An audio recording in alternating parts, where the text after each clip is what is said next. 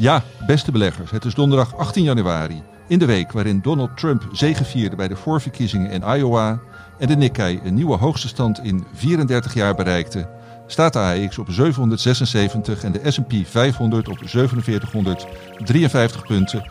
Tijd om te praten over beleggen. Dit is voorkennis. There are to make a living in this business. Be first, be smarter, or cheat. I don't cheat. Beleggersbelangen presenteert voor kennis.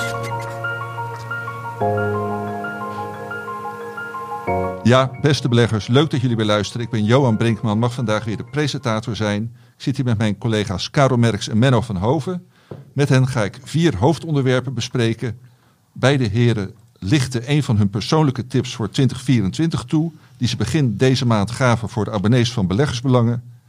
Daarnaast licht Menno een aantal van de meest stabiele dividendgroeiers in Europa en de VS uit. En legt Karel uit wat dit jaar de meest aantrekkelijke landen zijn om in te beleggen. En tussendoor zullen we ook wat vragen behandelen van kijkers van onze livestream die ze via YouTube kunnen stellen. Maar zoals altijd, we beginnen met terugblikken. Karel, wat is jou afgelopen week het meest opgevallen? Een heleboel, maar ik wil beginnen in uh, Hongkong. De Hang Seng-index uh, met de aandelen uit Hongkong had gisteren op woensdag de slechtste dag in uh, 15 maanden tijd. De index daalde met 3,9 procent.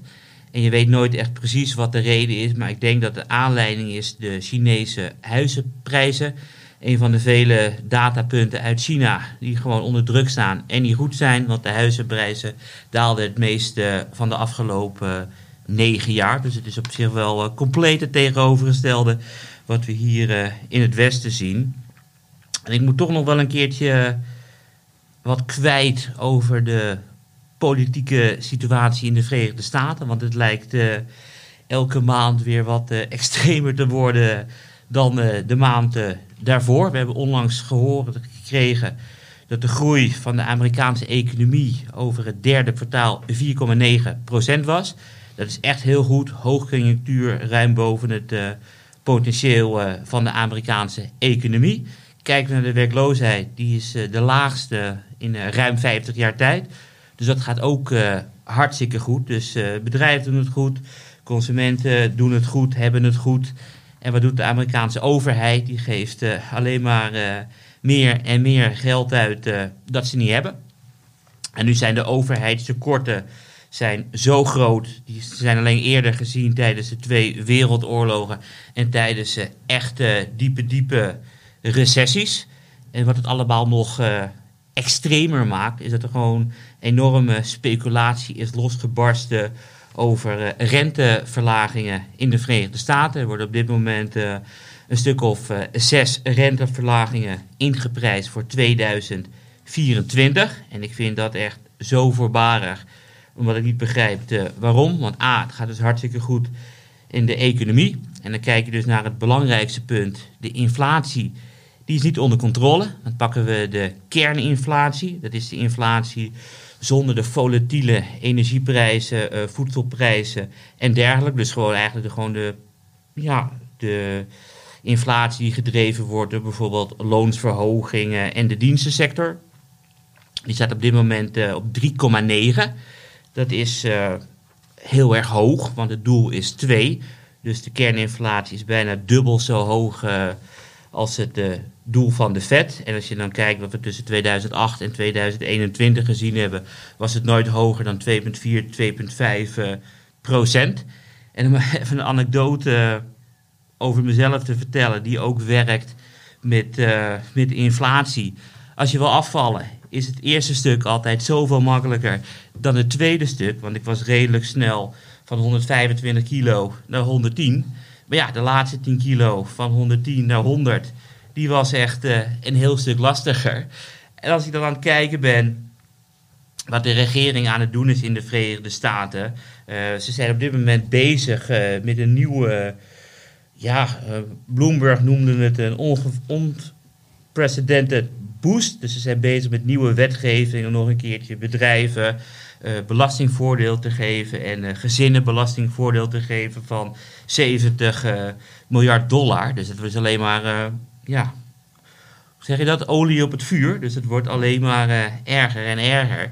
En nu denk ik, het is prima. Maar ja, wat gebeurt er dan als er een Amerikaanse recessie komt? Want die kan komend kwartaal kan die misschien beginnen. Al denk ik het niet al wat later in de toekomst zijn. Maar hij komt een keer. Gaan we dan begrotingstekorten aanhouden van 15%, uh, van 20%? Ik heb geen idee, want in een recessie zie je altijd belastinginkomsten die dalen en uitgaven die gaan omhoog vanwege uitkering. Dus ik ben heel nieuwsgierig uh, hoe dat zal gaan verlopen. Nog een paar dingetjes die ik kwijt wil, dus dank je wel voor je geduld, Menno. We zien ook weer de geopolitieke spanningen oplopen in het Midden-Oosten. Het is bijna niet meer bij te houden wie op wie aan het schieten is. Ik bedoel, de Verenigde Staten en de Britten schieten raketten af op Jemen. Iran schiet raketten af uh, op Syrië, Irak en Pakistan. Pakistan heeft de afgelopen 24 uur, is vandaag donderdag, ook uh, een paar strijders gebombardeerd uh, in Iran. Turkije is bezig met de PKK aan het bombarderen. En ik hou het eigenlijk niet meer bij. In zoverre jij je daarin hebt verdiept, Karel, zie je samenhang tussen al deze conflicten? Of is het maar uh, gewoon uh, toeval dat ze zich gelijktijdig uh, afspelen? Ik heb werkelijk geen idee. Maar het meest opvallende vind ik de houding van China. Want China is nog steeds de, hoe zeg je dat? de, de werkplaats van de wereld. Dus alles wordt gemaakt in China. En dat wordt dan met schepen vervoerd naar de rest van de wereld. Dus diegene die het meest belang heeft bij zeeroutes waar je lekker op kan varen, zijn de Chinezen. Die doen dus werkelijk uh, helemaal niks.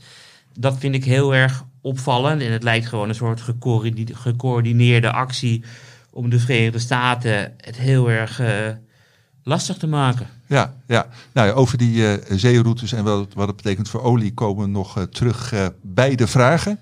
Maar uh, nou, het is in ieder geval uh, weer heel erg veel uh, gebeurd afgelopen week. Ja, klopt. Menno, en jij, als ja? allerlaatste, als allerlaatste. Als ja, laatste tuurlijk. had ik ook nog dat puntje van, ik, het valt op positief dat Europa eindelijk een keertje wakker begint te worden wat er nou in de wereld gaande is. Dus ik wil een, een, een rant voorlezen van Guy Verhofstadt afgelopen week over granaten.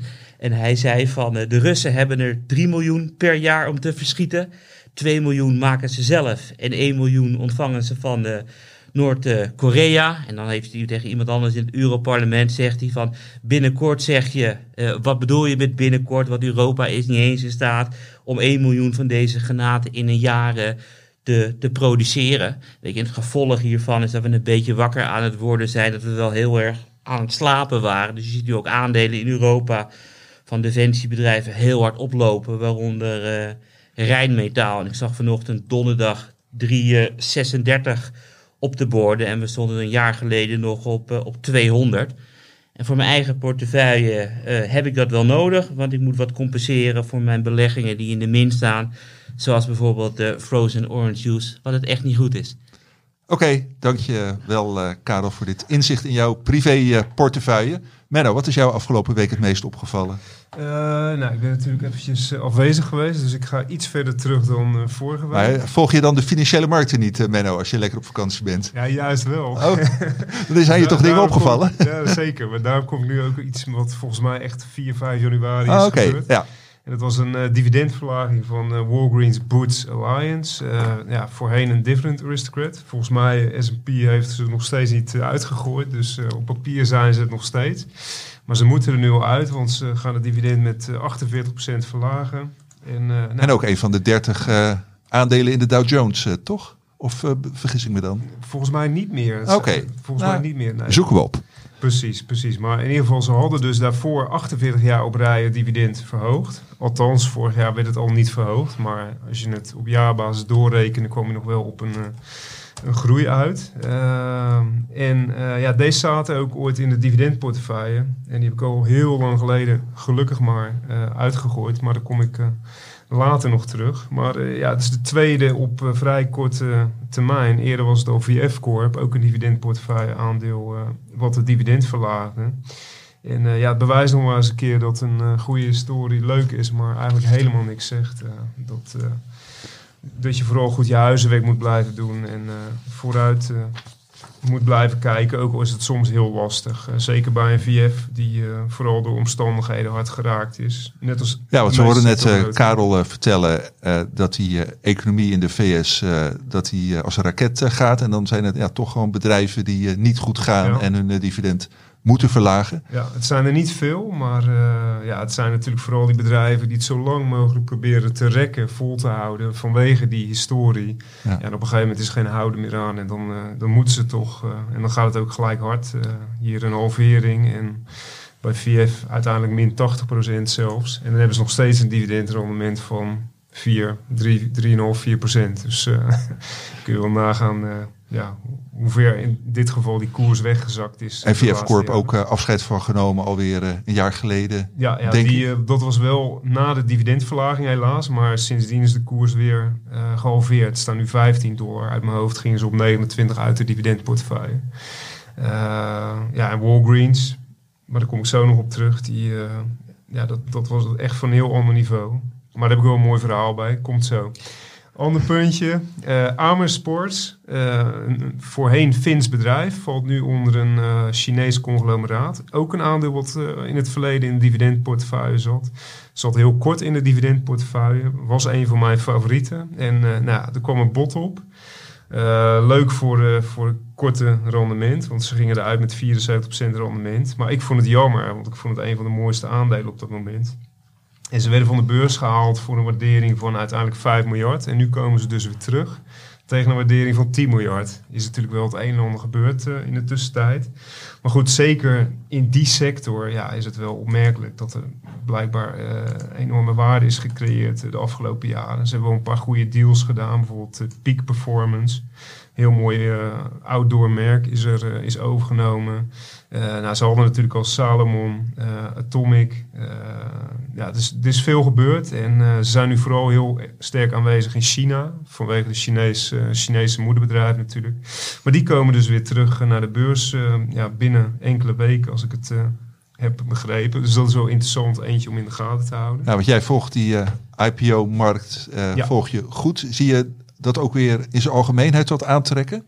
Eh, nou, ik heb toevallig gisteren nog een keer goed naar gekeken. En het in, eh, sowieso in januari eigenlijk geen IPO's of geen, ja, ja, bijna niks. Echt een handjevol totaal niets zeggende bedrijven. December was al iets beter, dus het, het, ja, vergeleken met een paar jaar terug is het nog steeds eh, veel minder. Maar ja, ik sluit niet uit met die beurs die, die het goed heeft gedaan. En ja, als de ontwikkelingen niet eh, verder verslechteren, dan kan het best een goed, eh, goed jaar worden. Maar volgens mij staan op dit moment niet enorm veel heel grote namen gepland. Sterker nog, die eh eh, Amer Sports, als die naar de beurs komt, is het de grootste IPO sinds Birkenstock. Ja, die haalde iets van net iets meer dan 1 miljard op. Dus dat zijn niet eh, de absolute En dat was top. eh. twee jaar geleden? Of, Nee, dat was eh, ergens vorig jaar. Ik Oh, weet niet vorig precies jaar. wanneer. Maar Ja, dat dat ja. is een van de meer, meer recente, grotere IPO's. Ja, ja, oké. Aandeel heeft trouwens heel goed gedaan en aan een hele slechte start. Dus dat is dan wel weer grappig. Ja, Dus, dus die. En dan heb ik nog eentje. Ja. En dat, is, eh, dat was ook deze week in het nieuws. Spirit Airlines. Eh is echt een budget. zegt een beetje een Ryanair of een EasyJet in de Verenigde Staten. Alleen binnenlandse vluchten. Was echt eh, by far de goedkoopste aanbieder. Waarvan met name heel veel eh, ja, consumenten met een kleinere portemonnee eh, dankbaar gebruik maakten. En er werd dus een bod opgedaan vorig jaar april door JetBlue. Ook een prijsvechter, alleen wel ja, met een duurdere prijsvechter. En die deal werd geblokkeerd door de US Department of Justice. En nou, de rechter heeft dat ook bekrachtigd. En ja, Biden, eh, die had al, dus Joe Biden, die had al eerder eh, aangegeven tegen te zijn. En die zegt, die zei van de week ook, dit is een overwinning voor de consument.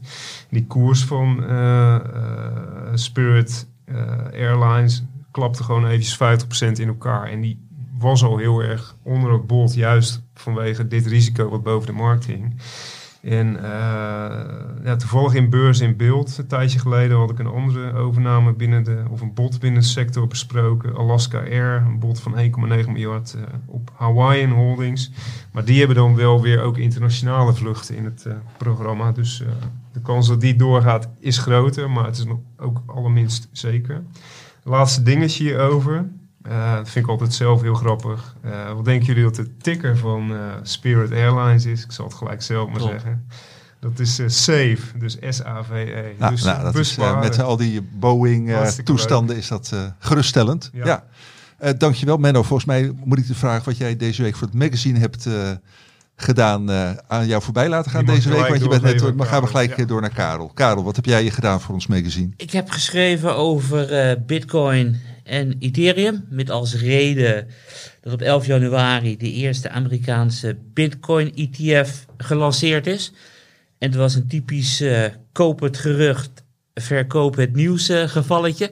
Dus we zagen Bitcoin eh, tot 11 januari flink oplopen. Daarna kwam het nieuws en Bitcoin ging met 10% onderuit en verloor zijn volledige jaarwinst. Er waren wel munten die goed presteerden, waaronder Ethereum. Eh, die schoot eh, juist met 10% eh, omhoog. Dus ze deden haasje over. Kijk, en voor mij eh, privé maakt het weinig uit, want ik heb Bitcoin in bezit en eh, Ethereum in bezit. En ik heb daar nog wat eh, dingetjes over geschreven. Oké, hartstikke mooi. Nou, dan eh, kunnen we naar het eh, eerste hoofdonderwerp. Voor kennis. En eh, ja, dat is eh, de, een van de persoonlijke tips die jij had eh, gegeven, Menno. Een mooi eh, Zweeds eh, bedrijf waar een en ander over te vertellen is, dus eh brand los. Yes, nou heel, eerst nog heel kort eventjes over de tips van vorig jaar. Toen had ik er drie gegeven. Die eh, uiteindelijk hebben die het heel goed gedaan. Eh, vooral door het hele sterke eindschot op de beurzen. En voor dit jaar heb ik vijf tips gegeven. En eh, een mix van eh, voornamelijk achterblijvers van vorig jaar, waarvan er drie in de dividendportefeuille zitten. En eentje met wat, eh, ja, wat meer, ik wil niet zeggen speculatiever, maar wat meer wat ander risicoprofiel. Maar dat is ook het enige echte sterke groeibedrijf van de vijf tips. En inderdaad, wat je al zei, Johan, dat, die komt uit Zweden. En ik kijk nu ook naar de koers, die heb ik voor me. Ja, toeval of niet, hij staat vandaag gewoon 7% hoger. Je kijkt hem omhoog. En eh, nou, we Nou, brengen... goed voor de abonnees die eh, begin dit jaar aan de tip eh, Ja, hebben meegedaan. Precies, dat wilde ik zeggen. En het gaat om RVRC Holding, RVRC Holding. is het bedrijf achter het outdoor merk Revolution Race. Ik heb het al eerder een paar keer genoemd. Eh, was vorig jaar in tegenstelling tot veel eh, sectorgenoten eh, een grote uitblinker. En niet, niet, niet gek wat mij betreft. Het is een ja, bedrijf wat volledig online actief is met outdoor kleding. En ze bie- bieden echt eh, kwaliteitsproducten. Denk aan outdoor broeken, tegenwoordig ook schoenen, rugzakken, wintersportkleding. Elke, eh, elke paar maanden komt er wel een nieuw product bij. En het zijn allemaal hele eh, ja, unieke, eh, goed ontworpen producten. Goede kwaliteit en vooral tegen een prijsniveau onder dat van de gevestigde namen. Zoals bijvoorbeeld ook een, de North Face, wat dan weer bij VF hoort. En wat dan ook weer deels verklaart waarom zo'n bedrijf het niet goed doet. En dit bedrijf wel. Omdat ze alles online doen, kunnen ze ook hele hoge marges realiseren. En eh, ja, je hebt hier echt gewoon een niche-speler die nu vooral in Europa nog actief is. Eh, er komen elk jaar een paar landen bij waar ze hun eh, online platform openen. En dat blijft gewoon heel sterk doorgroeien. Omzet groeit jaarlijks met dubbele cijfers. Binnen een sector als dit is dat wel bijzonder. En je betaalt nu iets van 20 keer de winst. Eh dividendrendement is anderhalf procent. Eh, en dat dividend gaat elk jaar met dubbele cijfers omhoog. Nou, dan heb je natuurlijk mijn aandacht. Eh, Maar en- zit hij ook in de dividendportefeuille? Nee, nee, ik heb wel in het verleden heb ik wel eens gezegd van nou, het zou potentieel een kandidaat kunnen zijn, maar daarvoor hanteren we toch echt wel ja, een bepaalde historie van ja, minimaal vijf, liefst tien of langer dat je al dividend uitkeert. Niet dat ik verwacht dat ze hier snel iets aan gaan veranderen, maar dat, eh, dat, dat, dat is te kort voor, voor een portefeuille die echt inspeelt op historie ook vooral. En eh, bovendien, het is een ja, niet heel eh, groot aandeel wat door veel analisten gevolgd wordt. En met ook wel dagen met weinig handelsvolume. Dus in die zin past dat niet helemaal. Zeker ook als we het dan weer doorspelen naar het beleggingsfonds. Dus, eh, maar ik hou hem zeker in de gaten. En eh, ik heb hem dus getipt voor dit jaar. En eh, ja, ze hebben volop expansiemogelijkheden, zowel geografisch als qua productaanbod. En eh, ja, wat ik eerder ook al zei, ik ben zelf een tevreden klant en ik blijf ook gewoon terugkomen daar. Uh, En je ziet het ook terug in het straatbeeld. eh. absoluut, absoluut. Eh, Duitsland is een hele grote, grote markt voor eh, Revolution Race. En eh, ja, ik maak wel eens een wandelingetje in het bos en steeds vaker dat iemand met zo'n broek of een jas. ja. Dat valt mij natuurlijk gelijk op, maar dat was één of twee jaar geleden was het veel minder. En Maar het is absoluut een eh, indicator. Absoluut. Dus eh, voor mij alleen maar een eh, bevestiging eh, ja, dat het een, eh, een heel kansrijk aandeel is eh, voor de komende jaren. Ja, nou, hartstikke goed. Wil je er nog iets anders over zeggen? Of eh, Nee, nee, moeten we de tip gewoon in de show notes zetten voor eh, Ja, mensen die het eh, verder willen lezen? precies. En ik zou ook vooral zeggen, eh, neem een abonnement op beleggersbelangen voor die overige tips, want die zijn ook heel mooi. De marketeer ben je ook. Hè? Heel goed, eh, Menno. Eh, nou, volgende hoofdonderwerp. Voorkennis. Dat is namelijk de tip eh, die Karel wil delen. Eh, zeg het maar, eh, Karel. Oh, ik wil eens een kleine inleiding geven. Ah. Ik bedoel, de enige reden waarom wij dit eigenlijk doen, is omdat Julius Caesar in 45 voor Christus zei: laten we niet eh, de maan volgen voor onze kalender, maar de zon. Dus ik vind het al wel een behoorlijk arbitraire periode van 365 dagen. En de grote disclaimer is: op het moment dat ik zelf beleg, dan koop ik nooit iets op 31 december om het op 31 december weer eh, te verkopen. Dus dit eh, gezegd hebbenden. Ja, eh, Volgens mij bedoel je hiermee dat de beleggingstermijn niet zo uitmaakt. wat nee, jou voor mij maakt de beleggingstermijn heel weinig uit. Eh, want op het moment dat ik denk, het is volgende week niet interessant, verkoop ik het weer. Maar allemaal, al, die disclaimers eh terzijde.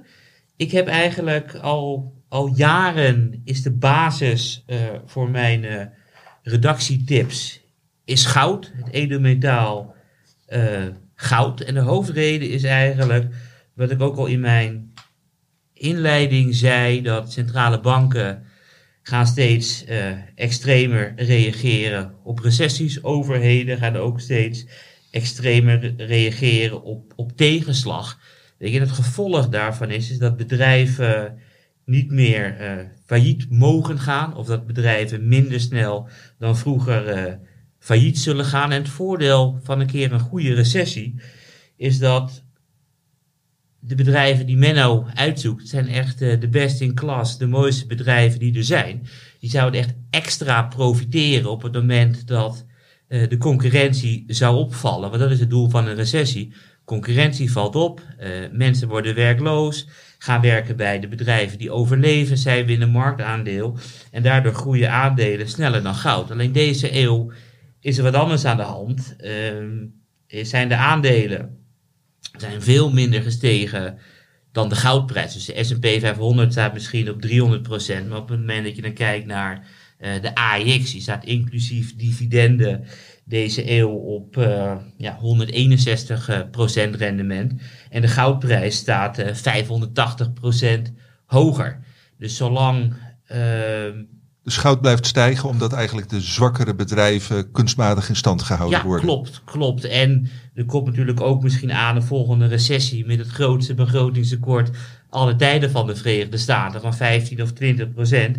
En dan gaat goud er weer vandoor. En dat heb ik eigenlijk, eh, sinds ik bij beleggersbelangen gaan werken, in 2015 had ik zoiets van oké, ik moet, ik vind het niks om jaartips te geven, want ik heb zoiets van, als je bovenaan, die tip, bovenaan de tiplijst wil komen, moet je risico nemen en dan kan je dus ook eh, onderaan komen. Maar ja, dan gaat dan jaar, de jaar daarna wel weer goed. Dus ik heb er een portefeuille van gebouwd die ik bijhoud. En goud als basisbestanddeel werkt prima, want sinds we in 2015 begonnen zijn, zijn mijn tips 195% hoger en de MCI World met dividend is 130% gestegen. En zolang dit overheidsbeleid en centrale bankenbeleid zo extreem door blijft gaan, ben ik eigenlijk wel van mening dat goud in de 21ste eeuw de best presterende assetklasse zal blijven. En ik ben heel nieuwsgierig of ik nog uiteindelijk zullen aandelen goud wel gaan inhalen. Want iedereen kent ook eh, stocks for the long run van eh, eh, professor Siegel. Die heeft laten aangeduid dat op, op lange termijn winnen aandelen werkelijk altijd van elke andere vermogenscategorie. Maar ja, als het nu 580 is tegen 161% voor de AEX, stel de AEX verdubbelt, eh, dan is het nog niet in de buurt. Dus ik vraag me nu echt, ik dacht eerst altijd, waar in mijn leven zullen aandelen de best presterende assetklasse van de 21ste eeuw worden? En nu hou ik er zelfs rekening mee dat, ja, dat het misschien pas ver naar mijn uh, pensioen zal gebeuren dat aandelen goud gaan inhalen, omdat het alleen maar extremer, extremer en extremer wordt. Ja. Dus zodat ik goud er ook weer standaard erbij heb staan dit jaar. En uiteraard heb ik ook jaarlijkse componenten waarvan ik denk dat ze in 2024 tijdelijk goed zullen presteren. Maar die mag, zijn voor de abonnees in de beleggersbelangen te lezen. Ja, of uh, in de show notes. Uh, Niet, dat uh, kan die natuurlijk laatste ook. vier tips van mij. Nee, nee, die, die houden we dan wel Mm. achter het hekje natuurlijk. Maar dat merkt de luisteraar en kijker snel genoeg. Overigens, Karel, na dit verhaal mag ik aannemen dat goud ook de basis vormt voor jouw privéportefeuille? Ja, ja, ja, kijk, ja en nee. Uh, nee in de zin van de redactietips geven we maar vijf tips. Dus het is in één keer een heel hoog uh, percentage. En in mijn uh, privéportefeuille moet ik heel snel even gaan rekenen. Want ik heb goud, ik heb goud mijn aandelen. Ik denk ook dat we zilver erbij moeten meedekken. Zit ik misschien rond de, rond de 20% voor die drie. Dus het is wel wat minder dan alleen goud, uh, wat een vijfde ja. is. En, maar goed, ga maar erom, je zit er ook gewoon privé. Uh, ja, privé, nee, nee, sowieso. Het was uh, een van de. Nou ja, de eerste belegging die ik kocht waren internetaandelen. maar gewoon wanneer ik een beetje serieus begon te beleggen, was mijn eerste aankoop in goud al, al ruim 20 jaar geleden. Ja, hartstikke goed. En Menno, voor de volledigheid ook even nog aan jou die vraag. Jij zit ook persoonlijk in het Zweedse groeibriljantje wat je hebt uh, getraceerd? Dat is een hele goede vraag. Uh, niet meer op dit moment, maar ik, uh, ja, dat heeft, het heeft er niet mee te maken dat ik er niet in geloof of zo. dat zou heel raar zijn. Maar dat komt gewoon omdat ik ja, op dit moment ja. geen middelen heb om het Nee, te kopen. nou. Anders zou ik het wel doen hoor. Nee, Voor de- het goed? eh, als ik te veel privé-informatie van jou weggeef, dan moet je gewoon zeggen stop. Maar het is toch ook zo dat jij gewoon vol belegd bent. En Oh, dat- zeker, dat is en, het. En, dat je dan denkt Ja. van, ik wil nu een vakantie doen met mijn gezin. Dus dan verkoop je wat aandelen, dan ga je op Ja, vakantie. Of voor, voor iets in je huis. eh, Of, voor iets voor in je Ja, ja. huis. En op het moment dat je dan Ik weer heb geen over- spaargeld, zeker niet. Nee, nee. Dat, Ook, eh, ook disclaimer. zit in de beurs. Nee, ik heb ook, eh, eh, ook geen spaargeld. Nee. Dat is ook gewoon nul. Ja. Oké, helder. Dank jullie, eh, dank jullie wel. Voorkennis. Ja, nou had ik eh, beloofd. En dat gaan we natuurlijk ook eh, doen eh, om eh, wat eh, vragen te beantwoorden. En eh, ja, eerste vraag die eh, wat dat betreft eh, aan de orde komt is van eh, Rob Spierings. Rob, eh, dankjewel. Ik neem aan dat je luistert of kijkt voor deze vraag. Rob heeft eh, gezegd dat hij eh, ja, wel eh, heel erg benieuwd is naar onze visie op olieaandelen. Eh olieprijs, constateert hij terecht, staat al een poosje onder druk eh, eh, en stijgt ook niet nu na alle eh, beschietingen eh, in de Rode Zee, waar Karel het eh, al over had. En tevens is hij benieuwd hoe kijken wij aan tegen lithium, tegen lithium aandelen als eh Albemarle en eh, eh, op spelers op de eh, markt voor elektrische voertuigen zoals Tesla en Duitse au- autobouwers. Dus heel wat vragen, eh, Rob. Maar verrassing, Karel kan ze allemaal min of meer gaan beantwoorden. Ja, min of meer. Ik bedoel, er is heel veel problemen in het Midden-Oosten. De Rode Zee wordt echt steeds minder eh, ja, gebruikt eh, voor transport van olietankers en van vracht. Maar ja, je kan natuurlijk uiteraard naar Europa wel omvaren via eh, Zuid, eh, Zuid-Afrika. Kijk, en in Europa hebben we natuurlijk een industrie die krimpt. Dus de PMI-cijfers, dus de inkoopmanagersindex, zit al een jaar onder de 50. Nou ja, waar wordt er veel energie gebruikt eh, in de industrie? Dus als de industrie krimpt, hebben we ook minder olie nodig in de Verenigde Staten. Het sneeuwt nu in Europa, in Limburg eh, aardig wat, in Duitsland eh, nog veel meer. Maar daarvoor was het natuurlijk weer een hele warme winter, waar ik ook regelmatig gewoon met de trui naar buiten ben geweest zonder jas. Dus het weer zit heel erg mee. Mocht de situatie escaleren in het Midden-Oosten en de straat van Hormuz wordt niet meer bevaarbaar, dan hebben we echt een heel groot probleem. Dan gaan alle olietankers van onder andere Saoedi-Arabië en Kuwait doorheen. Dus als dat gebeurt, eh, dan verdubbelt de olieprijs echt in, eh, in non-stop. Meneer had het ook nog over eh, de olievoorraden. Van hoe kan het nou dat die oplopen, et cetera. Nou ja, ik zal een grafiek in de show notes zetten. waarbij ik elke Amerikaanse olievoorraad bij elkaar heb opgeteld. Dus onder andere de strategische voorwaarden, voorraden van de Amerikaanse overheid. En eh, in opslagdepots van het bedrijfsleven, et cetera. En die grafiek gaat van linksboven naar rechts onder. Dus die dalen ook nog steeds. Betreffende de eh, elektrische voertuigen, die vaag en lithium komt echt ideaal eh, deze week.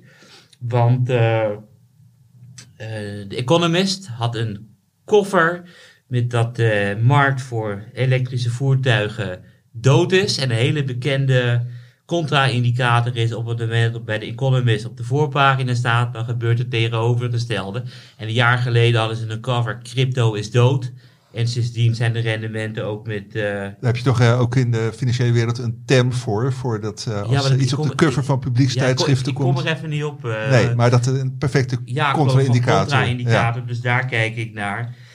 Het is heel lastig om te kijken hoe extreem het is. In 2021 dacht iedereen, binnen een paar jaar zijn we van fossiel af. We gaan volledig elektrisch rijden. Daar geloofde ik niet in. eh, maar ja, nu is weer het tegenovergestelde aan de hand. We gaan nooit meer elektrisch rijden. En daar geloof ik ook niet. Dus ik heb zelf, heb ik, eh Albemarle, wordt ook in de vraagsteller eh, benoemd. Nou, ik heb zelf wat gekocht voor 150. Ik heb zelf wat gekocht toen het naar 130 zakte. En voor 110 heb ik ook weer bijgekocht. Dus met 8% is het wel een serieuze positie in mijn portefeuille. En daar geloof ik in. Mag ik meteen lekker doorrenten, Johan, over een vraag die op YouTube binnenkomt? Eh, voor mij mag dat, eh, Karel. Erik van Dongen vraagt: In het oog van de aankomende verkiezingen in Amerika, vraag ik mij af wat jullie tips zijn in het geval dat Donald Trump weer wint. Gezien hoe het de vorige keer een grote invloed had op de beurs. Menno mag er even over nadenken over zijn mening, maar ik zal eerst eh, mijn mening geven. In 2017 heeft Trump in het voorjaar echt een enorme belastingverlaging doorgevoerd voor het Amerikaanse bedrijfsleven, wat heel erg positief eh, uitpakte. Dus dat zou misschien weer kunnen gebeuren, omdat Donald Trump denkt: schulden maakt niet uit. We gaan gewoon belastingverlagingen doorvoeren, waar ik me zorgen op maak en ook in mijn privéportefeuille op inspeel. Is door het Duitse defensiebedrijf eh, Rijnmetaal. We worden nu in Europa worden we verdedigd door de Verenigde Staten. Op geval het misgaat. Nou ja, en op een gegeven moment eh, zei Trump: Ja, weet je, de NAVO eh, is onzin, ik ga me daar uit terugtrekken. En de Belgische baas van de landstrijdkrachten zei: We hebben een groot probleem, want als de Russen komen, dan moeten de Belgen gaan gooien met stenen. Dus dat laat ik wel weer zien. Dat mocht Trump winnen, dan moeten we echt werk maken van ons eigen eh, defensieapparaat. Dat betekent veel meer eh, investeren in defensie. En bedrijven als Rijnmetaal, die gewoon tanks maken en granaten, moeten heel snel hun productie dan gaan uitbreiden. Dus dat zijn, ik speel eigenlijk vooral de kaart van eh, defensie. Daarnaast denk ik als Trump helemaal losgaat met het uitgeven van geld, met de huidige begrotingstekorten, dan loopt de inflatie uiteindelijk ook weer op. Dus ook een gedeelte van mijn portefeuille is ingericht op het toenemen van inflatie. En een, een hele mooie vind ik bijvoorbeeld eh CME. Het is een grootste derivatenbeurs ter wereld die allemaal producten verhandelt die op een of andere manier wat met inflatie te maken hebben. Denk aan valuta, die gaan meer bewegen als landen grotere uitslagen laten zien in de jaarlijkse verandering van het prijspeil, maar ook grondstoffen, eh, cryptocurrencies en heel veel eh, derivaten op de beurs. En de beurs beweegt trouwens ook heel heftig met inflatie. We zien hoe hard het omlaag ging in 2022 toen de inflatie steeg en hoe hard het daarna weer eh, omhoog ging toen de inflatie daalde. Dus mijn portefeuille is ingericht op inflatiebestemmingen, inflatiebestendige beleggingen en dingen als, als Rijnmetaal of als Trump wint. Ja. Eh, helder, eh, Karel. Menno, eh, de vraag wie er de nieuwe president van de VS wordt. Houdt jou dat als belegger bezig? Totaal niet. Totaal niet. Nee. Nee, ik, zoals jullie weten, ik kijk gewoon voor de zeer lange termijn. En ik wil gewoon goede aandelen hebben. En ja, alles wat er op korte termijn komt en gaat en gebeurt, dat heeft uiteindelijk vaak minimale impact. En nee, hier hou ik me totaal niet mee bezig. Ik hou, me, hou gewoon focus op een goed, breed gespreide portefeuille. En eh, ja, mocht dat mocht een eh, verandering eh, in, in de VS eh, tot koersbewegingen leiden, ja, omhoog is altijd mooi. En dat is ook mijn gevoel. Maar gevoel heb je niks aan. Eh, gaat het omlaag, dan weet ik welke aandelen des aantrekkelijker zijn voor de lange termijn. En dan kun je daarvan profiteren. Maar je moet gewoon altijd vol belegd eh, zitten, denk ik. En eh, ja, wat er verder op korte termijn allemaal gebeurt, eh, prima. Eh, Mits je het geld eh, niet nodig hebt. hè. Dat is wel een... eh, Ja. Ik ben het met je eens, ik heb het ook gewoon volledig belegd. En op het moment dat ik iets nodig heb, ga, moet, ben ik ook aan het goochelen met mijn financiën. Want ik wil ook gewoon alles in de markt hebben, wat het gaat om tijd. Misschien moeten we de, de de, markt, luisteraar aanraden tenminste wat eh, geld achter de hand te houden voor de bekende dat kapotte, nooit, kapotte wasmachine. Ja, ja. of nee, dat is eh, nooit eh, onverstandig. nee, ieder, nee. ieder risico, hoe moet ik zeggen, ieder risicoperceptie is anders natuurlijk voor iedereen. Ja, ja, maar goed, eh, jullie werken niet voor niks bij beleggersbelangen. Dus alles wat jullie kunnen beleggen, dat beleg- beleggen jullie ook. Dat is mooi. Eh, dan gaan we eh, eh, in afwachting van nog meer vragen wel door naar het volgende hoofdonderwerp. Voorkennis. En eh, nou, dat, eh, eh, daar is Menno weer eh, meegekomen. Nou, eh, duidelijk is dat eh, Menno dividendbelegger is. Hij heeft weer eh, de meest stabiele dividendgroeiers in Europa en de VS eh, voor u op een rijtje gezet. Menno, wat zijn je bevindingen? Ja, nou, ik eh, volg natuurlijk op de voet eh, inderdaad alle eh, schommelingen, wijzigingen per jaar van eh, nou ja, eh, zoveel mogelijk Europese en Amerikaanse bedrijven als ik eh, kan. En eh, ja, wat me altijd wel fascineert eigenlijk, is dat, je, dat er bijna geen bedrijven zijn die gewoon stevast elk jaar met een vast percentage verhogen. Sterker nog, de meeste, is het ene jaar is het heel weinig, dan weer heel veel. Over lange termijn gemiddeld dus kun je heel mooi uitkomen. Maar eh, echt gewoon consequent een vast percentage per jaar, dat zie je bijna niet. Terwijl dat naar mijn idee eigenlijk heel makkelijk ook zou moeten kunnen. Eh, zeker al combineer je dat bijvoorbeeld met eh aandeleninkoop of extra speciale dividenden. Als je daar een goede weg in weet te vinden. En er zijn voldoende bedrijven wel die dat ook doen. Dan kun je volgens mij veel meer eh, die dividendgroei sturen. En eh, ja, waarom vind ik dat zo belangrijk? Ja, de hele dividendportefeuille is gebaseerd op een, bepaalde dividendgroei. Eh, en hoe voorspelbaarder die is, hoe beter je op lange termijn ook je totaalrendement kunt eh, uitrekenen. eh, met de simpele gedachte dat eh, uiteindelijk de beurskoersen het, eh, de ontwikkeling van het div- dividend volgen. En als jij gewoon weet op voorhand, eh, en dat is ook het streven voor de dividendportefeuille, dat je jaarlijks een dividendgroei van minimaal 7, 8 procent haalt. De laatste jaren zat ik daar ver boven.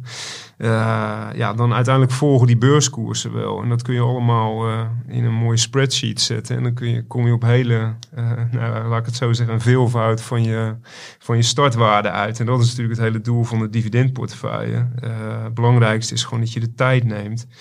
En dat je in die aandelen zit die elk jaar maar blijven verhogen. Maar goed, er zijn dus bijna geen aandelen die elk jaar met een vast percentage verhogen. Ik heb wel een paar gevonden, kom ik zo op. Eh, en ja, en een heel goed voorbeeld in Europa, in Nederland zelfs, is natuurlijk Bezi. Aandeel doet het wel fantastisch op de beurs. Eh, daar kun je niks over zeggen. Maar dividend, het ene jaar eh, gaat het omlaag, het andere jaar weer omhoog, dan weer omlaag, dan weer omhoog. Dus een voorbeeld van een onstabiel eh Precies, ik noem het een beetje Ja, een soort ja. stoplicht, dividendbetaler. Niks mis mee. Bezi heeft een, als ik me niet vergis, een dividendbeleid waarbij ze zeggen van alles wat er overblijft nadat de rekeningen betaald zijn, dat gaat als dividend naar de aandeelhouder. En het ene jaar is dat wat minder en het andere jaar wat meer. Dat is helemaal prima. En daardoor hebben ze ook een relatief hoog altijd. Eh, maar voor de dividendportefeuille komen ze niet in aanmerking. Dan wil je gewoon stabiele groei van jaar op jaar hebben. Eh, maar niet alleen Bezi, ook eh, andere aandelen. Novo Nordisk, natuurlijk enorm in de spotlights de laatste tijd. Ehm, is een aandeel, is ook een Europese aristocrat die al decennia op dividend verhoogt. Uh, maar die hebben een hele lange periode, of een, een, periode gehad waarmee ze, waarin ze amper het dividend verhoogden. En de laatste jaren, natuurlijk in lijn met dat hele succes uh, van die uh, afvalmedicatie, wordt het dividend ook ineens enorm hard weer verhoogd. Dus ja, er zitten enorme sprongen in van jaar op jaar. En dat zie je dus vooral in Europa heel veel. In de Verenigde Staten is dat minder, zijn die verschillen minder groot. Uh, maar uh, ja, toch zie je dus ook dat aandelen je op het verkeerde been kunnen zetten. Neem bijvoorbeeld een uh, Walgreens Boots Alliance, waar ik het in het begin over had. Die zat in de dividendportefeuille. Ik heb het opgezocht. Bij de uh, start van de dividendportefeuille in 2011 kocht ik ze destijds natuurlijk fictief op 34,34 dollar. nou, ik zei net, ze staan nu 22 dollar. Uh, maar dan heb je het wel over ruim tien jaar geleden. En uh, ik ben tussentijds uh, uitgestapt op 71,80 dollar in 2017. met als reden gewoon dat die dividendgroei, toen ik ze opnam, dat was nou, 2011 verhoogde het dividend met 29%, 2012 met 22%, 2013 met 14,5%. Maar eigenlijk pas sinds 2019 ging het helemaal de verkeerde kant op met 2% dividendgroei, half procentje. Vorig jaar helemaal geen verhoging. En nu dus, een paar weken geleden, of eigenlijk ja, anderhalf week geleden, een enorme dividendverlaging. En dat aandeel dat staat gewoon op het laagste niveau in 15 jaar tijd. Dus die wel eventjes tussendoor van een bedrijf wat uh, ja, op lange termijn goed scoort qua dividendgroei. Het gaat toch ook vooral om die laatste jaren. Daar kijk ik dan natuurlijk ook vooral naar. Omdat dat de beste indicatie is. Uh, uh, natuurlijk naast alle andere dingen waar je naar moet kijken, van wat je kunt verwachten de komende tijd. En uh, nou ja, daar heb ik dus een aantal uh, aandelen gevonden die dus echt gewoon consequent stevast uh, het dividend elk jaar met een gelijk percentage verhogen. En ja, het is toeval of niet. Ze zitten ook allemaal in de dividendportefeuille. En dat is echt... Dat is vast geen toeval. Nee, ja, maar het is niet bewust. ik vind het wel heel leuk dat het zo uitkomt. Want ja, dat geeft voor mijzelf wel aan dat ik goed bezig ben. Al zeg je het zelf, Menno. Ja, dat vind ik wel. Ja, het is zeker goed bezig. Nee, het is, het is heel bijzonder. Uh, in Nederland, Wolters Kluwer. Uh, de laatste jaren by far het meest consequent. Afgelopen drie jaar, elk jaar 15% dividend erbij. Nou, in Nederland kan ik er geen één vinden die de laatste drie jaar telkens met een gelijk percentage heeft verhoogd. En sterker nog, de laatste vijf jaar vier keer 15% verhoogd. En één keer zelfs met uh, 20%. En ja, dat is ook precies de reden dat ze een jaar of twee, drie eh, voor het eerst in een dividendportefeuille zijn gekomen. Want daarvoor zaten ze continu op 1, anderhalf, heel, ja, echt een minimale dividendgroei. En we weten natuurlijk inmiddels allemaal dat Wolters Kluwer qua track record absoluut koploper is in Nederland en ook in Europa bij de uh, beste jongetjes van de klas behoort. Met een dividend dat al decennia niet verlaagd is. En uit mijn hoofd iets van 15, 16 jaar op rij nu is verhoogd. En uh, ja, dat soort aandelen zoek en die je koers, natuurlijk. die volgt inderdaad. Dat, nou, maar dat is het bewijs inderdaad dat een sterke, consequente dividendgroei ook op de beurs gewoon wordt beloond met een hogere koers. Uh, en het is gewoon altijd wel een duur aandeel, maar wel echt een kwalitatief, ja, absoluut top aandeel. En die wil je natuurlijk hebben. Zeker als je er voor de lange termijn uh, in zit. Uh, maar er zijn nog een paar in Nederland. Uh, nou, Vopak, elk jaar 4, 5% dividenden bij de laatste jaren. Ahold zit gemiddeld, en die zit natuurlijk ook in de dividendportefeuille, gemiddeld op zo'n 10% groei per jaar de laatste jaren. En dat zijn natuurlijk wel de percentages waar je naar zoekt. Want het belangrijkste, het gaat natuurlijk niet alleen om de dividendgroei, maar ook in combinatie met dividendrendement. Het liefst heb je een zo hoog mogelijk dividendrendement met een uh, ja, bijbehorende dividendgroei. Dus als je een aandeel hebt met een yield van minder dan 1%, ja, dan zoek ik toch liefst wel een dividendgroei van minimaal dubbele cijfers per jaar. Dus in die zin is Ahold wel eentje van buitencategorie. En uh, daarom zit hij ook nog steeds in de dividendportefeuille. Laatste in Nederland is natuurlijk ASML. Ik heb het nog eens nagezocht. De laatste 12 jaar hebben ze 18 of hebben ze 8 keer het dividend met 15% verhoogd. Dus ja, dat vind ik toch redelijk consistent. En in de andere jaren zelfs met een nog hoger percentage. Dus uh, nou, we weten ook allemaal wat ASML op de beurs heeft gedaan. En misschien niet zo goed als Bezi, maar qua dividend is ASML wel veel beter voorspelbaar dan een uh, Bezi natuurlijk. Uh, nou dan nog kort de Verenigde Staten. Uh, drie dividendportefeuille aandelen. Ik zei het al, die steken echt bovenuit. En dan moet je echt bedenken dat ik meer dan 100 aandelen heb bekeken met een uh, track record van, nou, zeg minimaal 20 jaar bedrijf van dividendgroei. En dan kom ik er eigenlijk op maar drie die echt heel consequent met minder dan een procent verschil per jaar verhogen. En die zitten alle drie dus in de dividendportefeuille. En de meest bekende is natuurlijk Microsoft. Ja, Karel, wat verhogen die dividend zo'n beetje per jaar? Geen idee, maar het zal dik in de dubbele cijfers zijn. En de, nou ja, precies en de koers volgt uh, ook, want ze zijn nu de grootste dividend in de betalen. Verenigde Staten qua Ja. aandeel. Dus ze zijn Apple voorbij. eh. Precies, en Microsoft is ook by far de grootste dividend betalen in eh, absolute miljarden. Was het ook vergeleken met eh, Aramco? Ja, in de VS. Zei ik niet in de VS? Ja, oké, ja, oké, akkoord. eh, ga verder. Waar je als eh, particuliere belegger of als, eh, waar je als gewone belegger ook gewoon makkelijk in kunt beleggen Ja. natuurlijk. En eh, ja, wat Microsoft doet, elk jaar gewoon 10% erbij. Eh, ondanks die enorme beurswaarde van dit moment en ondanks het feit dat ze uit mijn hoofd al iets van 22 miljard per jaar uitkeren. Er komt gewoon elk jaar 10% bij. Ik heb ze nog eens een keer op een rij gezet. Eh, vorig jaar plus 10,3. Het jaar daarvoor 9,7, 10,7, 9,8, 10,9, 9,5. Ja, het is gewoon eigenlijk, je kunt de klok erop gelijk zetten. Eh, volgend jaar Het zijn soort weer, eh, ronde tijden met schaatsen, maar dan, eh, dan anders. Precies, en dat is dus echt uitzonderlijk. Ik heb honderden aandelen bekeken en ik kon maar een handjevol vinden, waaronder dus Microsoft. En ja, dat, dat is bijzonder. Nog eentje is American Financial Group. Een eh, schadeverzekeraar die, die sinds kort in dividendportefeuille zit. En eh, ja, die eh, valt ook op met de laatste tien jaar gewoon acht keer een dividendverhoging van precies 12% En die andere twee keer niet minder, maar zelfs meer, 14 Dus ja, jullie begrijpen allemaal dat ik die heel graag in de dividendportefeuille erbij wilde hebben. Eh, al helemaal als je bedenkt dat ze elk jaar minimaal één en soms wel drie of vier speciale dividenden uitkeren. Dus dat zijn gewoon topaandelen eh die op lange termijn eh, ja, gewoon die ontwikkeling van het dividend eh, gaan volgen. En dat, of althans, dat verwacht ik. En dan heb ik er nog eentje, Roper Technologies. Eh, voorheen industrieel bedrijf, wat zich de laatste jaren veel meer op eh, niche softwaremarkten heeft eh, toegelegd. Vooral door een, hele serie acquisities. En die doen nu ook precies vijf jaar op rij dividend met precies 10% omhoog. Dit is wel eentje met een relatief laag dividendrendement.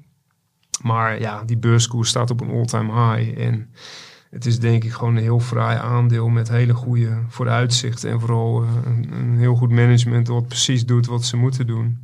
Eh, en daarbij ook eh, aan de aandeelhouder denkt. En het is ook een eh, aristocrat trouwens. Nou hebben we nog één, één leuk feitje erbij. Als ik die kwijt mag aan Zeker, jullie. zeker. Eh, want er zijn ook een paar aandelen. En dat zijn er echt heel weinig. En ik ken er eentje van. eh, die precies met een rond percentage elk jaar verhogen. En een daarvan is Procter Gamble. En eh, ja, normaal is het, nou, we gaan van 12 of van 80 naar 82 cent of van eh, dollar naar 1,20 dollar. Maar Procter Gamble eh, gaat, nou, vorig jaar gingen ze naar eh 0,9407 per aandeel. En waarom doen ze dat? Omdat ze elk jaar een precies een keurige ronde verhoging bekendmaken. Ehm, in 2023 precies 3% dividendverhoging. Eh, in 2022 precies 5, dus echt precies dan ook. En in 2021 plus 10%. Dus ja, wat kun je verwachten dit jaar? In april kondigen ze doorgaans de dividendverhoging aan. Ja, in een slecht geval plus 1% en anders plus 4%. Daar gok ik zelf een beetje op. Maar het wordt in ieder geval weer een rond percentage. Ja, waarom eh, moeilijk eh, doen als het makkelijk kan, eh Nee, ze daar. Dat, Absoluut. Ja. Ja, ik maak natuurlijk ook voor beleggersbelangen het eh, ex-dividend overzichtje. ja. En dat zijn altijd mooie getallen met twee cijfers achter de komma. Als. Procter Gamble langskomt, dan ja, qua vormgeving springt hij er dan uit. Dus dan is altijd de vraag van heb je een tikfout gemaakt? Nee, Procter Gamble is een bijzonder eh, bedrijf. Ja. Dat is het antwoord. Oké. Die, die al zes- 67 jaar het dividend heeft eh, verhoogd. Oké. Moet ik erbij zeggen. Officieel een dividend king. Ja, ex- exact. Ja. Ja. Hartstikke bedankt, eh, Menno, voor deze uiteenzetten. Ik denk dat heel wat eh, luisteraars eh, zeven keer op de koopknop, koopknop gaan drukken. Straks of, eh, of morgenochtend. We gaan naar het laatste hoofdonderwerp. Voorkennis. Ja, Karel, jij eh, hebt een, eh, een jaarlijkse exercitie, of je hebt er misschien wel meer, maar over eentje wil je het eh, hebben. En dat is ieder jaar een check doen op wat zijn nou de landen voor, de komende periode om het me- het meest aantrekkelijk als, als belegging. En hebben we het over opkomende markten. Nou, en het En- onontwikkelde wereld. En eigenlijk, eigenlijk gewoon de hele wereld. De hele wereld eh, bekijk ik. Ja, En daarvoor gebruik ik winstdata en koersdata van de MCI, een van de bekendste data providers op de wereld. Ik ga eerst even in 1, 2 minuutjes een klein beetje achtergrond geven over mijn analyse en daarna duik ik eh, in de aantrekkelijke landen. Eh, voor de winstcijfers maak ik gebruik van eh, de afgelopen 10 jaar. En de reden waarom ik een periode voor 10 jaar pak, is dat ik weet dat dat winstcijfers zijn die houdbaar zijn. Want op de top van de economische cyclus zijn winsten onhoudbaar hoog. En tijdens de bodem van de economische cyclus zijn winsten onrealistisch laag. Dus ik pak het gemiddelde winst van de afgelopen 10 jaar en die deel ik eh, door een koers. En dit heb ik getest met de Verenigde Staten of het überhaupt eh, werkt. En in de show notes eh, heb ik mijn favoriete tabel staan van het beleggen. Om die perfect laten zien van hoe, eh, welke rendementen kunnen er volgen bij welke waarderingen. En eh, voor de koers-winstverhouding heb ik ruim 1200 verschillende eh, startpunten. Dus bijvoorbeeld 1 februari 1930 tot 1 februari 1940. En daarna kijk ik van 1 maart 1930 tot 1 maart 1941. Dus uiteindelijk heb ik over een periode van eh, ruim 100 jaar ruim 1200 koers-winstverhoudingen en ruim 1200 eh, totaalrendementen die daar eh, uit volgen. En dan gaan we 10 verschillende bakjes maken. In het eerste bakje doen we de koers-winstverhoudingen die laag zijn. Dat zijn dan ruim 120 eh, lage koers-winstverhoudingen. In het tweede bakje nummer 121 tot 240, et cetera. En het grappige is, als we dan even naar de rendementen uit die bakjes gaan kijken. We beginnen van die 10 verschillende bakjes met de eh, hoogste rendementen. En als we dan bij de laagste koers-winstverhoudingen zouden kopen in de Verenigde Staten, tot en met eh, de duurste, ga ik even de beste rendementen opnoemen. 17,5 per jaar, 17,0 per jaar, 15,1 per jaar, 14,3, 15,1, 15,1, 13,8, 9,9, 8,3, 6,3 per jaar. Dus dat loopt bijna eh, perfect af. Dus op het moment dat je naar de beste rendementen kijkt, dan is het nog altijd zo, hoe lager je koopt, hoe hoger het rendement. Maar het leuke van die tabel is dat die bijna helemaal eh, foutloos is. Want ik ga ook uit elk van die 10 bakjes even het eh, laagste rendement pakken. Plus 4,8, plus 3,8, plus 2,8, plus 1,2, min 0,1, min 2,3, min 3,9, min 3,2, min 4,4, min 6,1. En ik ga niet de gemiddelde rendementen opnoemen. Maar uh, mijn punt is meer van hoe lager uh, de waarderingen, hoe hoger uh, de rendementen. En ik zou echt naar deze tabel kijken, want het doet echt je, je ogen openen. Ja, nou, kunnen we nog beter reclame maken voor onze show notes uh, dan Karel op deze manier doet. dus ik heb deze exercitie voor de hele wereld gedaan. En ik wil er zes landen wil ik eruit pakken. Ik ga het niet heel lang bespreken, dus waarschijnlijk redden we het nog wel binnen het uur. Maar ik wil beginnen met China en India. In 2007 waren de koers-winstverhoudingen van deze twee landen echt extreem hoog. India had een koers-winstverhouding van 50 en China zat zelfs uh, op 55. En toen sloeg de beermarkt in de waarderingen toe. Tot en met uh, maart 2020 daalde India tot 16 en China daalde tot 14. En sindsdien bewegen deze landen niet meer synchroon. India zag zijn koers-winstverhouding verdubbelen naar 32. En China verloor nog een keertje tientallen procenten aan waardering. En er staat nu op 10. En nu komt het interessante waarom ik juist altijd naar deze getallen kijk. Want als de waardering gaat van 55 keer de winst naar 10 keer de winst, dan komt het overeen met een koersdaling uh, van 81 uh, procent. De belegger die dus in 2007 uh, China had gekocht, heeft door middel van koers-winstverhoudingen veranderingen van 81 procent verloren. Maar ja, China groeit uh, als kool. Uiteraard zijn er ook dividenden en nemen die allemaal mee.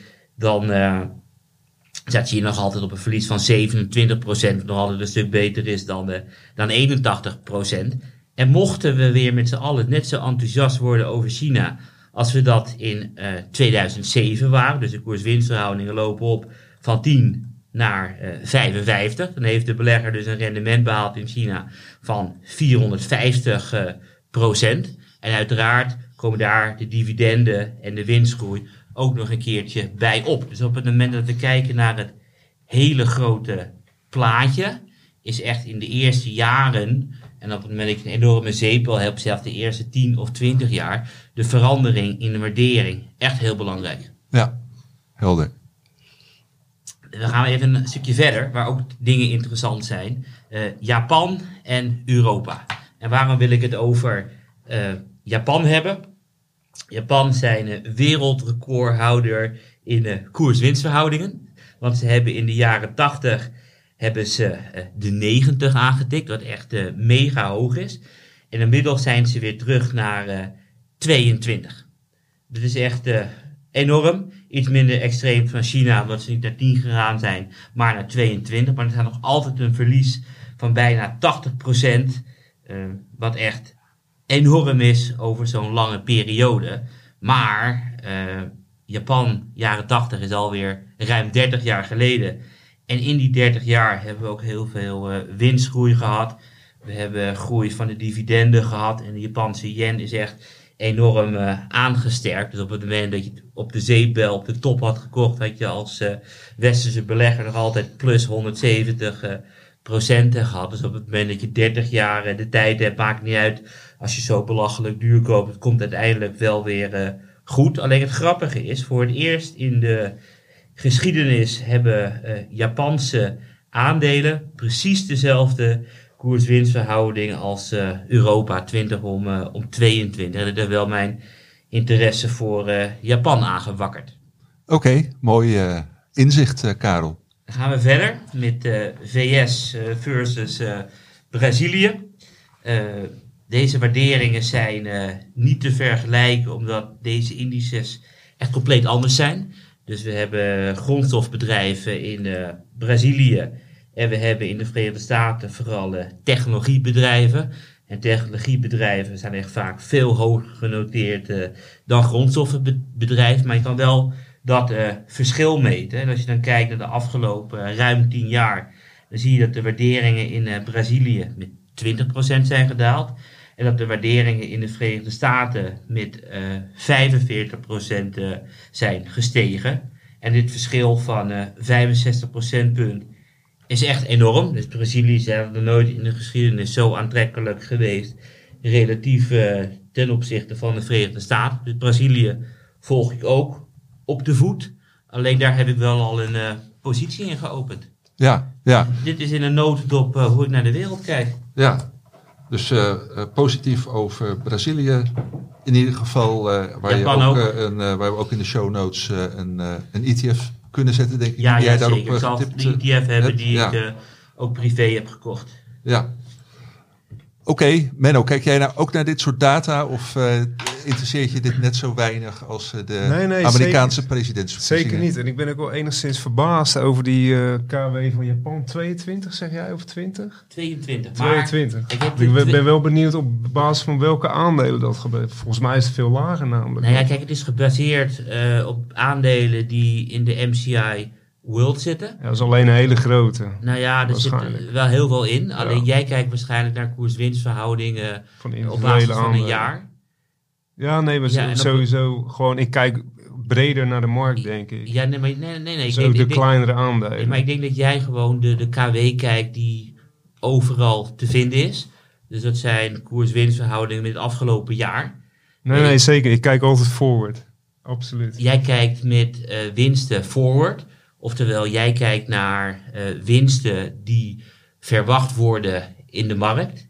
Eh, verwachtingen, daar koop ik persoonlijk helemaal niks voor. Want ik wil weten van wat is houdbaar. Dus ik kijk altijd, wat ik ook in de intro zei, naar de afgelopen tien jaar. Haal ik de top van de cyclus eruit, ik haal de bodem van de cyclus eruit. En ik weet als de winstgevendheid van het afgelopen tien jaar een maatstaf is, dan kom je uit eh, op die 20 en Nee, die 90 precies. in de jaren 80. Jij kijkt naar eh, verwachtingen. En het grappige is, als je die tabel kijkt in de show notes, die, va- die valt te maken voor eh, winsten gemiddeld over de afgelopen 10 jaar. En met verwachtingen eh, valt die niet te maken, want je ziet heel vaak dat mensen in een recessie veel te negatief zijn over de toekomst en tijdens een Hosanna-fase veel te enthousiast. En zo kom ik op 22, maar het is natuurlijk wel de laagste van de afgelopen 30 jaar, wat mijn interesse gewekt heeft. Dus linksom of rechtsom, jij kijkt op een andere manier, ben je Ja. enthousiast over de Nee, nee, precies. markt, Maar inderdaad, ik. zo, zo is het duidelijk. Maar ik Ja. kijk inderdaad gewoon naar eh, actuele, meer actuele, laat maar zeggen. En niet op tien jaar. eh Nee, klopt, weet je. Maar Menno, kom je op hele andere waarden Heb jij al een tijd op, eh, op de radar het plan om een, eh, een Ja, groot verhaal nee, te maken over beleggen in Japan? Absoluut. Ik ben me daar steeds meer in aan het verdiepen. En eh, ja, daar heb je echt gewoon ook qua dividend steeds meer, eh, steeds meer keuze. Dus eh, dat staat zeker op de planning eh, voor eh, dit jaar. Even een YouTube-vraag tussendoor. Want op het moment dat we vragen krijgen, moet het wel worden gestimuleerd. Want ik vind het ook leuk. Richard vraagt: welke specifieke factoren zouden beleggers in overweging moeten nemen bij het evalueren van beleggingkansen op de Japanse markt? Ik denk dat je een idee moet hebben over de rente. Want op het moment dat je kijkt naar het volledige Amerikaanse bedrijfsleven, dan is er meer schuld dan eh, bezit. Dit betekent dat op het moment dat de rente stijgt, dat het Amerikaanse bedrijfsleven per saldo last heeft van de rente. Het Japanse eh, klimaat is het tegenovergestelde. Ze hebben veel meer bezit dan schulden. En dit betekent dus op het moment dat eh, de rente stijgt, dat beleggen in Japan aantrekkelijker worden, omdat ze veel meer rendement krijgen op kasgeld. Daarnaast vind ik het ook heel erg interessant in Japan om te kijken naar wat de toezichthouder doet. Want die heeft ook zoiets van de waarderingen zijn zo laag ten opzichte van de rest van de wereld. We willen daar vanaf. Dus ze hebben bepaalde regels geïntroduceerd dat een aandeel minimaal op een bepaalde waardering moet noteren. Dan was het geloof ik boekwaarde koers. En als je daaronder zit, moet je van de beurs af. En bedrijven reageren erop, ja, laten we dividenden uitkeren of eigen aandelen inkopen. Om die waardering omhoog te krijgen. En ik denk als derde dat je een idee moet hebben over hoe de situatie in eh, Azië ontwikkelt. Want op het moment dat het slecht gaat in, in- in China eh, en je wil toch blootstelling krijgen aan. eh, nee, ik moet het anders zeggen. Stel, je wil niet beleggen in China, maar je wil wel blootstelling hebben aan Azië, dan is Japan echt een hele geschikte kandidaat om te profiteren van de situatie in Zuidoost-Azië, waar volgens sommigen de komende 10, 20 jaar echt enorme groei gaat plaatsvinden. Ik vind dat een leuke grafiekjes, dat, dat je een cirkel ziet en dat er staat hier woont een derde of een vierde van de wereldbevolking. En die waarderingen in Japan is volgens mij ook heel erg eh, belangrijk dat die laag zijn. En in de show notes die de bel laat zien, lage waarderingen zorgen voor hoge rendementen. Wil jij nog even op Richard reageren, Benno? Nou ik denk het belangrijkste, eh aanvullend op jou, belangrijkste is vooral ook in Japan staan heel veel small caps eh, genoteerd. Ja, slecht verhandelbaar, enorme koersbeweging. Dus gebruik sowieso altijd limietorders en let ook gewoon heel goed op de koers. Want eh, je moet er altijd minimaal 100 kopen. En heel veel aandelen noteren gewoon boven 8000 of soms wel boven 20 of 30.000 yen. Dat betekent dat je gewoon eh, soms wel 10.000 euro's erin moet stoppen, anders kun je niet eens die order doen.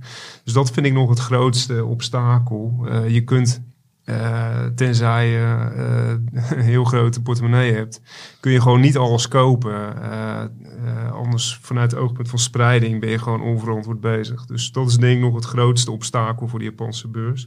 Voordeel is wel dat ze enorm veel stocksplits doen elk jaar. Waardoor die koersen in principe hard omlaag komen. Maar ja, het zijn vaak ook wel de aandelen die het hard stijgen. Dus per saldo loopt Ja, die maar koers ook, allemaal ook, weer ook op. die toezichthouder die wil dat de waarderingen omhoog gaan. En op het moment dat je makkelijker ingaan, dan gaan die waarderingen omhoog. Weet je. Ik ben niet echt specifiek naar individuele aandelen aan het kijken. Ik wil gewoon die hele, hele markt hebben, omdat die hele markt is goedkoop. En die ETF's zijn wel eh, goedkoop, eh, of dat is goedkoop in nominale zin verkrijgbaar. Oké, top. En eh, we raken natuurlijk over Japan en over eh, beleggen in het algemeen niet eh, uitgepraat, maar we gaan het toch, we gaan het toch doen. Even heel snel, Menno, wat, waar, waar kijk jij voor de komende week naar uit? Nou ja, het cijferseizoen komt natuurlijk weer aan. En vooral deze tijd betekent dat veel dividend aan- aankondigingen voor Europese bedrijven. En eh, ja, dat is altijd wel spannend voor de dividendportefeuille in Europa. In de VS eh, gaat het eigenlijk eh, altijd wel goed. Uitzonderingen dagen later. In Europa zit er nog wel eens een negatieve verrassing toe tussen. Waardoor ik weer tegen mijn zin in, in actie moet komen. Maar een van de eerste is bijvoorbeeld LVMH, als ik me niet vergis, volgende week donderdag. 25 januari komen die met cijfers en die gaan dan ook het slotdividend bekendmaken. De laatste twee jaar was dat 7 euro. Ja, ik verwacht dit jaar wel minimaal 8, misschien nog wat meer. Dus eh, dan hebben we weer eh, een mooie erbij eh, qua dividendgroei voor de dividendportefeuille. Ja, en, zo, LVMH en, volgende week eh, donderdag. Oké, en, de, en de rest kort daarop allemaal. het erop. Karel, Mijn eh kwartaalcijferseizoen begint iets eerder dan dat van Menno. Netflix, twee dagen eerder. En daarnaast kijk ik ook met spanning uit eh, naar de rest van de bedrijven die gaan komen, die ik volg of privé in bezit heb. En in het bijzonder eh, is dat in willekeurige volgorde Netflix, Freeport, McMoran, Disney, Mars, Shell, Chevron, Total Energy, CME, Albemarle, Duolingo, Rijnmetaal en last but not least Franco Nevada. Oké, eh, hartstikke bedankt eh, Menno en Karel voor eh 1 uur en eh, 6,5 minuut keigoede beleggersinformatie.